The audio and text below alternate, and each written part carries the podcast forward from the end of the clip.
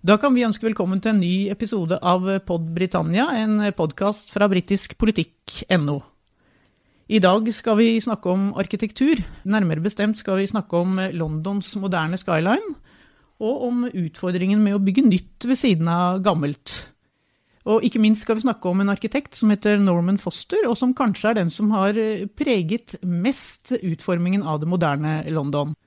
Jeg heter Trine Andersen, og i dag har jeg med meg arkitekt Ingrid Helsing Almås. Hun har bodd mange år i London, der hun også tok sin arkitektutdanning. Hun underviste i arkitektur, og var i en årrekke redaktør for fagtidsskriftet Arkitektur N. We shall never surrender. The pride in who we are is not a part of our past. It defines our present and our future. The people of Scotland have spoken. England, Scotland, Wales, Northern Ireland together, taking us forward, unleashing the potential of the whole country. Ja, Ingrid, London har jo forandret seg voldsomt de siste tiårene. Vi har fått en rekke nye bygninger. Vi har fått The Shard, som en italiensk arkitekt står bak. Mannen med det vakre navnet Renzo Piano. Han står også bak Astrup Fearnley-museet her i Oslo. Men så har vi også Norman Foster. Han står bak Millenniumsbroa, eller The Wobbly Bridge, som den heter på folkemunne. Han uh, står bak uh, The Gherkin, uh, terminalbygget på Stansted Airport, nye Wembley Stadion. Hans arkitektfirma har omformet Trafalgar Square til bilfritt område. Vi kan nevne en rekke andre prosjekter som han står bak, både i London og, og resten av Storbritannia. Hva er det som særpreger en arkitekt som Norman Foster? Foster er jo et av de kanskje to største navnene i det som uh, het uh, British High Tech da jeg uh, gikk på skolen i Storbritannia. Og det var når? det var, tør jeg nesten ikke si engang. Det begynner å bli lenge siden. Det var fra 1980, ja, midt på 80-tallet til tidlig på 90-tallet. Så var jeg student først i Oxford og så i London.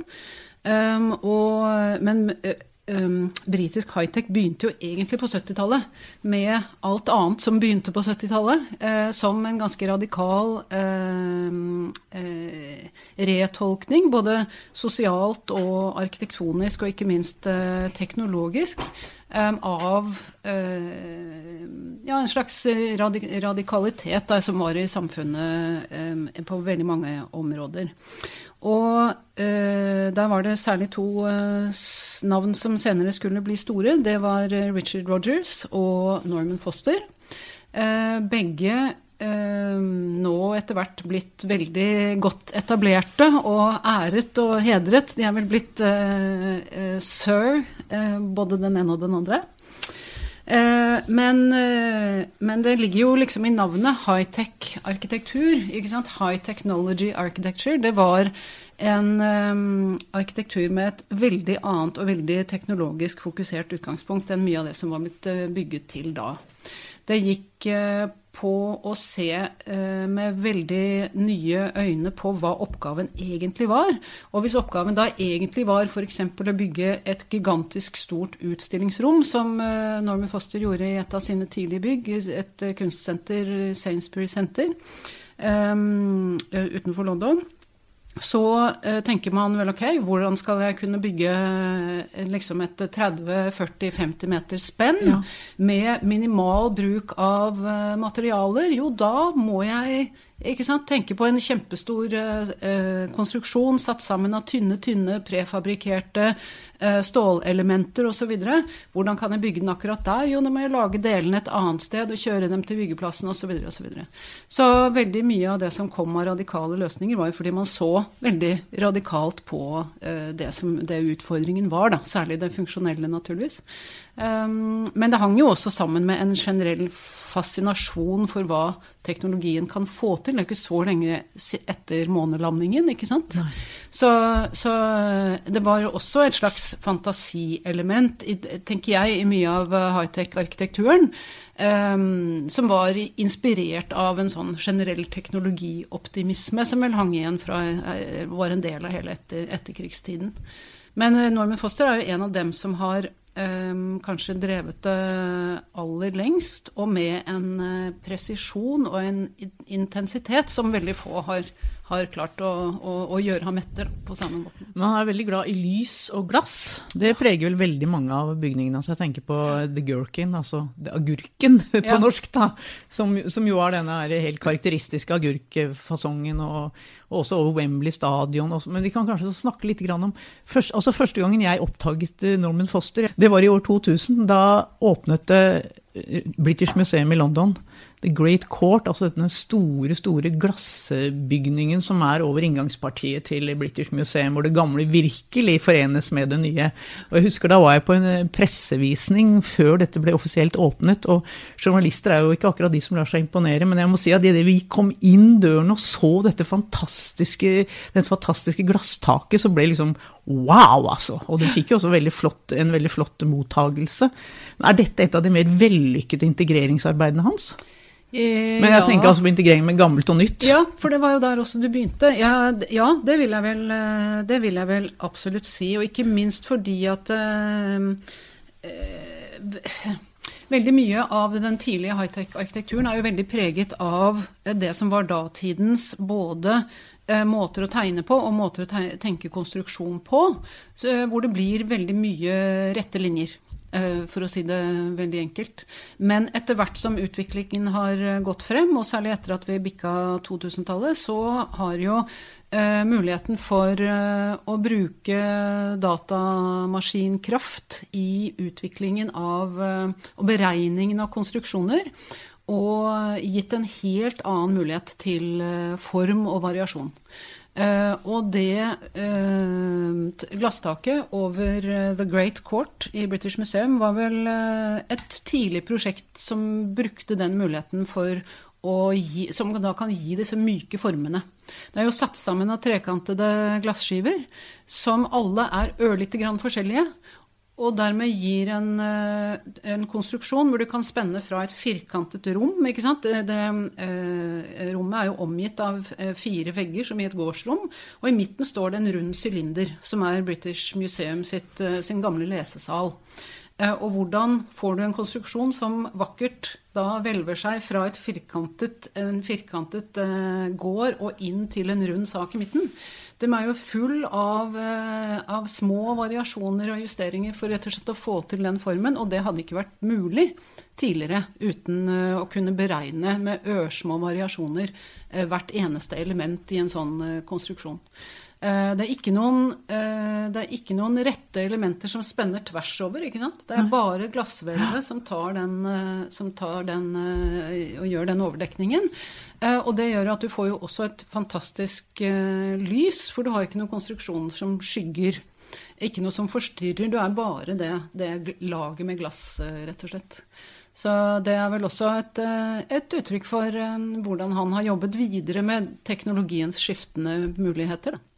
Ja, Han er jo en, en mann i dag som er 85 år. Han har over 1000 ansatte verden over og har jo lagd enormt mye rundt omkring i verden. Veldig mange tenker vel ofte på denne, denne eh, riksdagsbygningen i, i Berlin med den, den glasskuppelen på toppen der. Og han har jo faktisk også elefanthuset i København. Det er noe helt annet igjen. Han har gjort veldig mye forskjellig. Og du kjenner jo folk som har jobbet med han. Har du fått noen, Hvordan er han å jobbe for, da? Vet, vet, kan du si noe om det? Det tror jeg ikke er noe spøk, for å si det sånn. Det, han hadde jo, han, eh, hadde jo et stort kontor allerede da jeg var student. Og det var jo et veldig ettertraktet sted å, å få foten innafor døra. Eh, de hadde vel eh, rykte på seg for å plukke de aller beste av, eh, av eh, alt som kunne krype og gå av studenter fra de beste skolene. Så det skulle være høy terskel for å komme inn, og høyt tempo og høyt driv. Eh, og mange rykter som verserte om, eh, om hvordan det var når du først kom innafor der. Da. Eh, som jeg senere har faktisk fått verifisert. Jeg går ut fra at de måtte jobbe mye, fordi da jeg bodde i London, så bodde jeg i Battersea. Jeg bodde noen hundre meter fra dette kontoret til Foster, og vi gikk kveldstur. Og samme når på døgnet jeg gikk forbi, så var det lys i vinduene hos arkitektkontoret til Foster. Altså det var ikke Ja. det, var, det, det slo ikke feil om det var påske eller jul. Det var folk der og jobbet bestandig. Ja, Det tviler jeg ikke på. Og etter hvert som de også da fikk bransjekontorer over hele verden, så er det klart at da spiller jo ikke lenger tids, eh, globale tidsforskjeller noen forskjell. Da går jeg ut ifra at hvis du samarbeider med noen i Hongkong, så jobber du når de jobber, og vice versa. Selvfølgelig. Ja, så, Sikkert. Men, eh, men ja, det, det var tøft. Og det er klart, du kommer ikke dit, eh, og du får ikke de resultatene som han, som han eh, får, uten at, eh, uten at det er 120% innsats fra absolutt alle i eh, organisasjonen. Mhm. Hadde du hatt lyst til å jobbe for ham? Jeg har nok en annen eh, type intensitet i mitt arbeid, vil jeg nok si. Jeg tror det er, eh, du må være ganske, eh, du må være ganske hva heter det for noe, single-minded. Eh, single-minded er egentlig et ganske godt ord, og det lar seg ikke oversette med ensporet. Eh, men du må være veldig, veldig fokusert. Eh, jeg har nok en bredere tilnærming. Jeg tror ikke jeg hadde egnet meg. Men du, når en går rundt i, London eller enhver annen by, så altså Arkitekturen preger oss jo voldsomt, men det er ikke så ofte vi egentlig tenker over det. Men dere som arkitekter må jo, må jo tenke på en helt spesiell måte for å, altså for, for å skape et eh, hyggelig miljø. Men har, du har jo vært arkitekt ganske lenge, eh, som du sa til å begynne med her. Har, har den måten å tenke på for dere arkitekter endret seg i løpet av de tiårene du har vært arkitekt? Å ja, det er jo pågående, mange pågående diskusjoner i arkitektmiljøet som, eh, som preger hvordan man tar avgjørelser. Um, eh, arkitektur er jo et eh, samarbeidsfag. Ingen stiller seg opp nede i City of London og begynner på å grave alene. ikke sant? Det er en gigantisk felles eh, eh, opp, oppgave, oppdrag. Uh, og da handler det både om hvordan man argumenterer eh, og uh, for de løsningene man presenterer, og om hvordan man tar beslutninger. Og det preges jo til enhver tid da kan du si pågående diskusjoner i samfunnet av teknologiske forhold. Og, og de siste, altså fra 2000-tallet, da, så er det jo ikke tvil om at uh, f.eks. miljø og klima har jo en helt annen posisjon i hvordan arkitekter tenker, og alle som bygger, egentlig tenker verden over.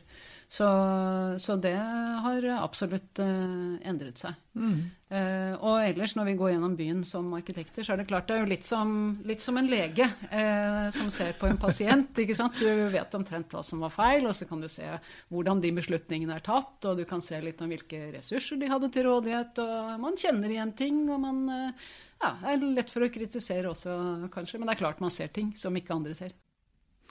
Men denne blandingen av nytt og gammelt, Ingrid, spesielt da i en by som London hvor det er så mange gamle bygninger, og så skal du bygge noe nytt, f.eks. et uh, glasstak oppå en gammel bygning.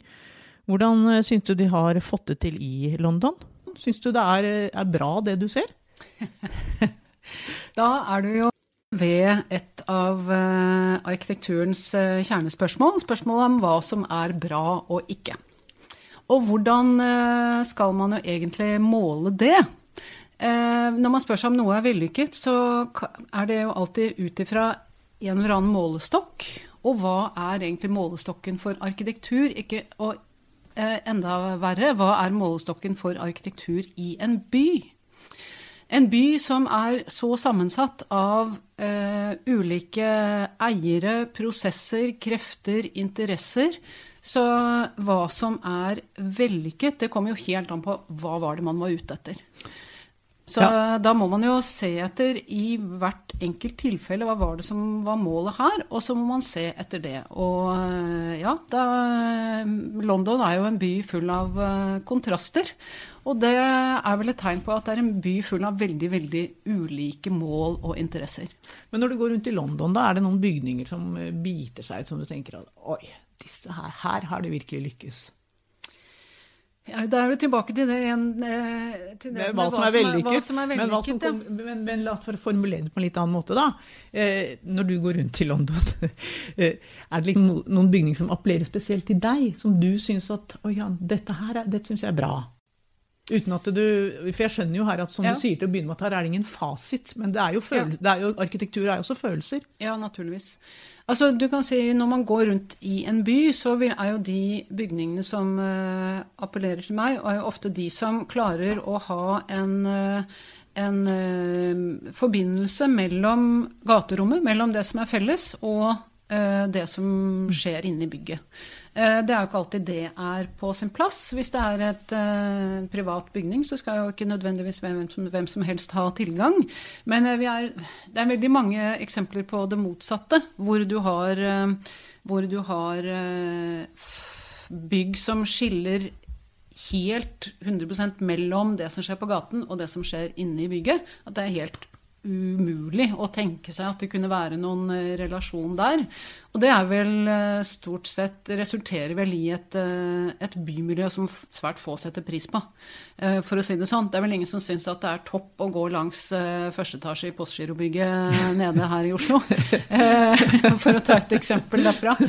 Mens det er klart at en, en gammel handelsby med lang historie, som har et, mye butikklokaler og, og grunner til å ta folk inn mellom gaten og første etasje f.eks., gir jo et bymiljø som, eh, som virker raust. Hvor du har eh, adgang, og du ser jo hvordan folk eh, reagerte på Operataket i Oslo Ja. f.eks. Så, så noe med den, med den måten å åpne på. Litt og så kanskje er det igjen, det er jo ikke, er jo ikke London, men ikke sant, kolonnadene i, i, ofte i søreuropeiske byer, hvor du kan gå under et overdekket areal langs gaten eh, utenfor butikkene. Kanskje du kan sitte der. altså de- Den typen mellomrom egner seg mindre klimatisk eh, her, eh, her oppe i nord, men, men London har veldig, veldig mye forskjellig. Eh, og når du går gjennom London, så slås du jo ikke bare av kontraster, som vi har snakket litt om, men også av mangfoldet. Av både målestokker, det er store hus, det er små hus, det er eh, veldig fors forskjellig uttrykk i materialer, f.eks., og tidsepoker rett ved siden av hverandre, vegg i vegg. Og det gir en, eh, ja, en slags rikdom, da, som eh, setter, også setter veldig pris på. Mange muligheter, får man jo inntrykk av. da. Men du skal jo tilbake til Norman Foster. Han står jo for den nye arkitekturen. Mye glass, mye lys. Veldig moderne, men han skal jo også in integrere dette i en, eh, en, en etablert eh, arkitektur. En gammel, gamle bygninger, for å si det sånn. De er det jo mange av i London, som vi begynte med å snakke om. Hva slags utfordringer er det da for å få dette gamle, nye til å, å, å stå bra til det gamle? Ja, det har jo vært en levende diskusjon eh, gjennom flere generasjoner i arkitekturen, egentlig. Ehm, og særlig bevarings, altså bygningsbevaringsmiljøene har vært veldig veldig bevisste på hvordan eh, man mener at dette skal gjøres. ikke sant? Skal du rekonstruere? Skal du herme etter det gamle? Skal du bygge på samme måten? Det er grisedyrt å bygge i våre dager med teglbygg med et type håndverk som rett og slett ikke lenger går an. Skal du bygge noe som ligner litt, men er ganske mye dårligere enn det man fikk til på 1700- og 1800-tallet f.eks. Eh, og eh, Eller skal man si at nei, nå er, det en, eh, nå er det total break, nå er det ny tid. Eh, og den nye tiden har sitt uttrykk, og, og den kontrasten er noe man liksom kan tillate, da, både teoretisk og estetisk. Og der står jo eh, Norman Foster helt klart for dette siste. Han har et veldig interessant prosjekt eh, nede i Frankrike, i Nim, hvor han har et nytt kunstmuseum som står tvers overfor rom, et romersk tempel. Et svært godt bevart eh, romersk tempel. Eh, med sine søyler og kapiteler og en helt klassisk eh, romersk arkitektur. Og han har tegnet altså Foster har tegnet et nytt museum som har verdens tynneste stålsøyler og verdens mest presise detaljering i glass og stål, som egentlig kan du si er dagens uttrykk for hva vi kan i dag, der hvor det gamle steintempelet var et helt ekstremt uttrykk for det de fikk til med stein. Sånn at, eh, at eh, det er i hvert fall ikke noe tvil om at, eh, at Foster har omfavnet den kontrasten og gjort det til sin inngang til forholdet mellom nytt og gammelt. Da lurer jeg litt på om dette som Foster nå har lagd, kommer det til å stå så lenge da, som det som står rett på den andre siden av Ja, hvis det er, eh, Er det godt- Ja, Ja. hvis det er godt detaljert. Ja. Vi hadde, da, vi, da jeg gikk på, eh, på arkitektskolen i England, så hadde vi da et eh, Vi snakket mye om gummi når det kom til high-tech-arkitekturen. Og der er det en, eh, et ordtak som er eh, Those who live by the gasket, die by the gasket. Vi kjenner igjen uh, 'Those who live by the sword, die by the Ja, sword'. ja. Gasket er jo da altså den forseglingen, gummilistene, som skal til rundt glasselementet, ikke sant, som du setter inn i stålrammene sine. Når den ryker, da ryker hele konstruksjonen. Da begynner det å lekke, da får du kuldebroer, da, da, da Så du er veldig avhengig av eh, holdbarheten i en del sånne type elementer i high-tech-arkitekturen. da, Tetningslister og silikon og sånne typer ting. Og det er jo risikabelt. Mens glass og stål kan jo stå i 1000 år. Ja, det er klart. Det kan det. Så vi får håpe at, foster, eh, at noen kan snakke om foster om 1000 år òg, da. Han har i hvert fall et team som kan sine gaskets. Det er det ikke noe tvil om. De er best i verden på den type arkitektur. We shall never surrender. The pride in who we are is not a part of our past. It defines our present and our future. The people of Scotland have spoken. England, Scotland, Wales, Northern Ireland, together, taking us forward, unleashing the potential of the whole country. Order!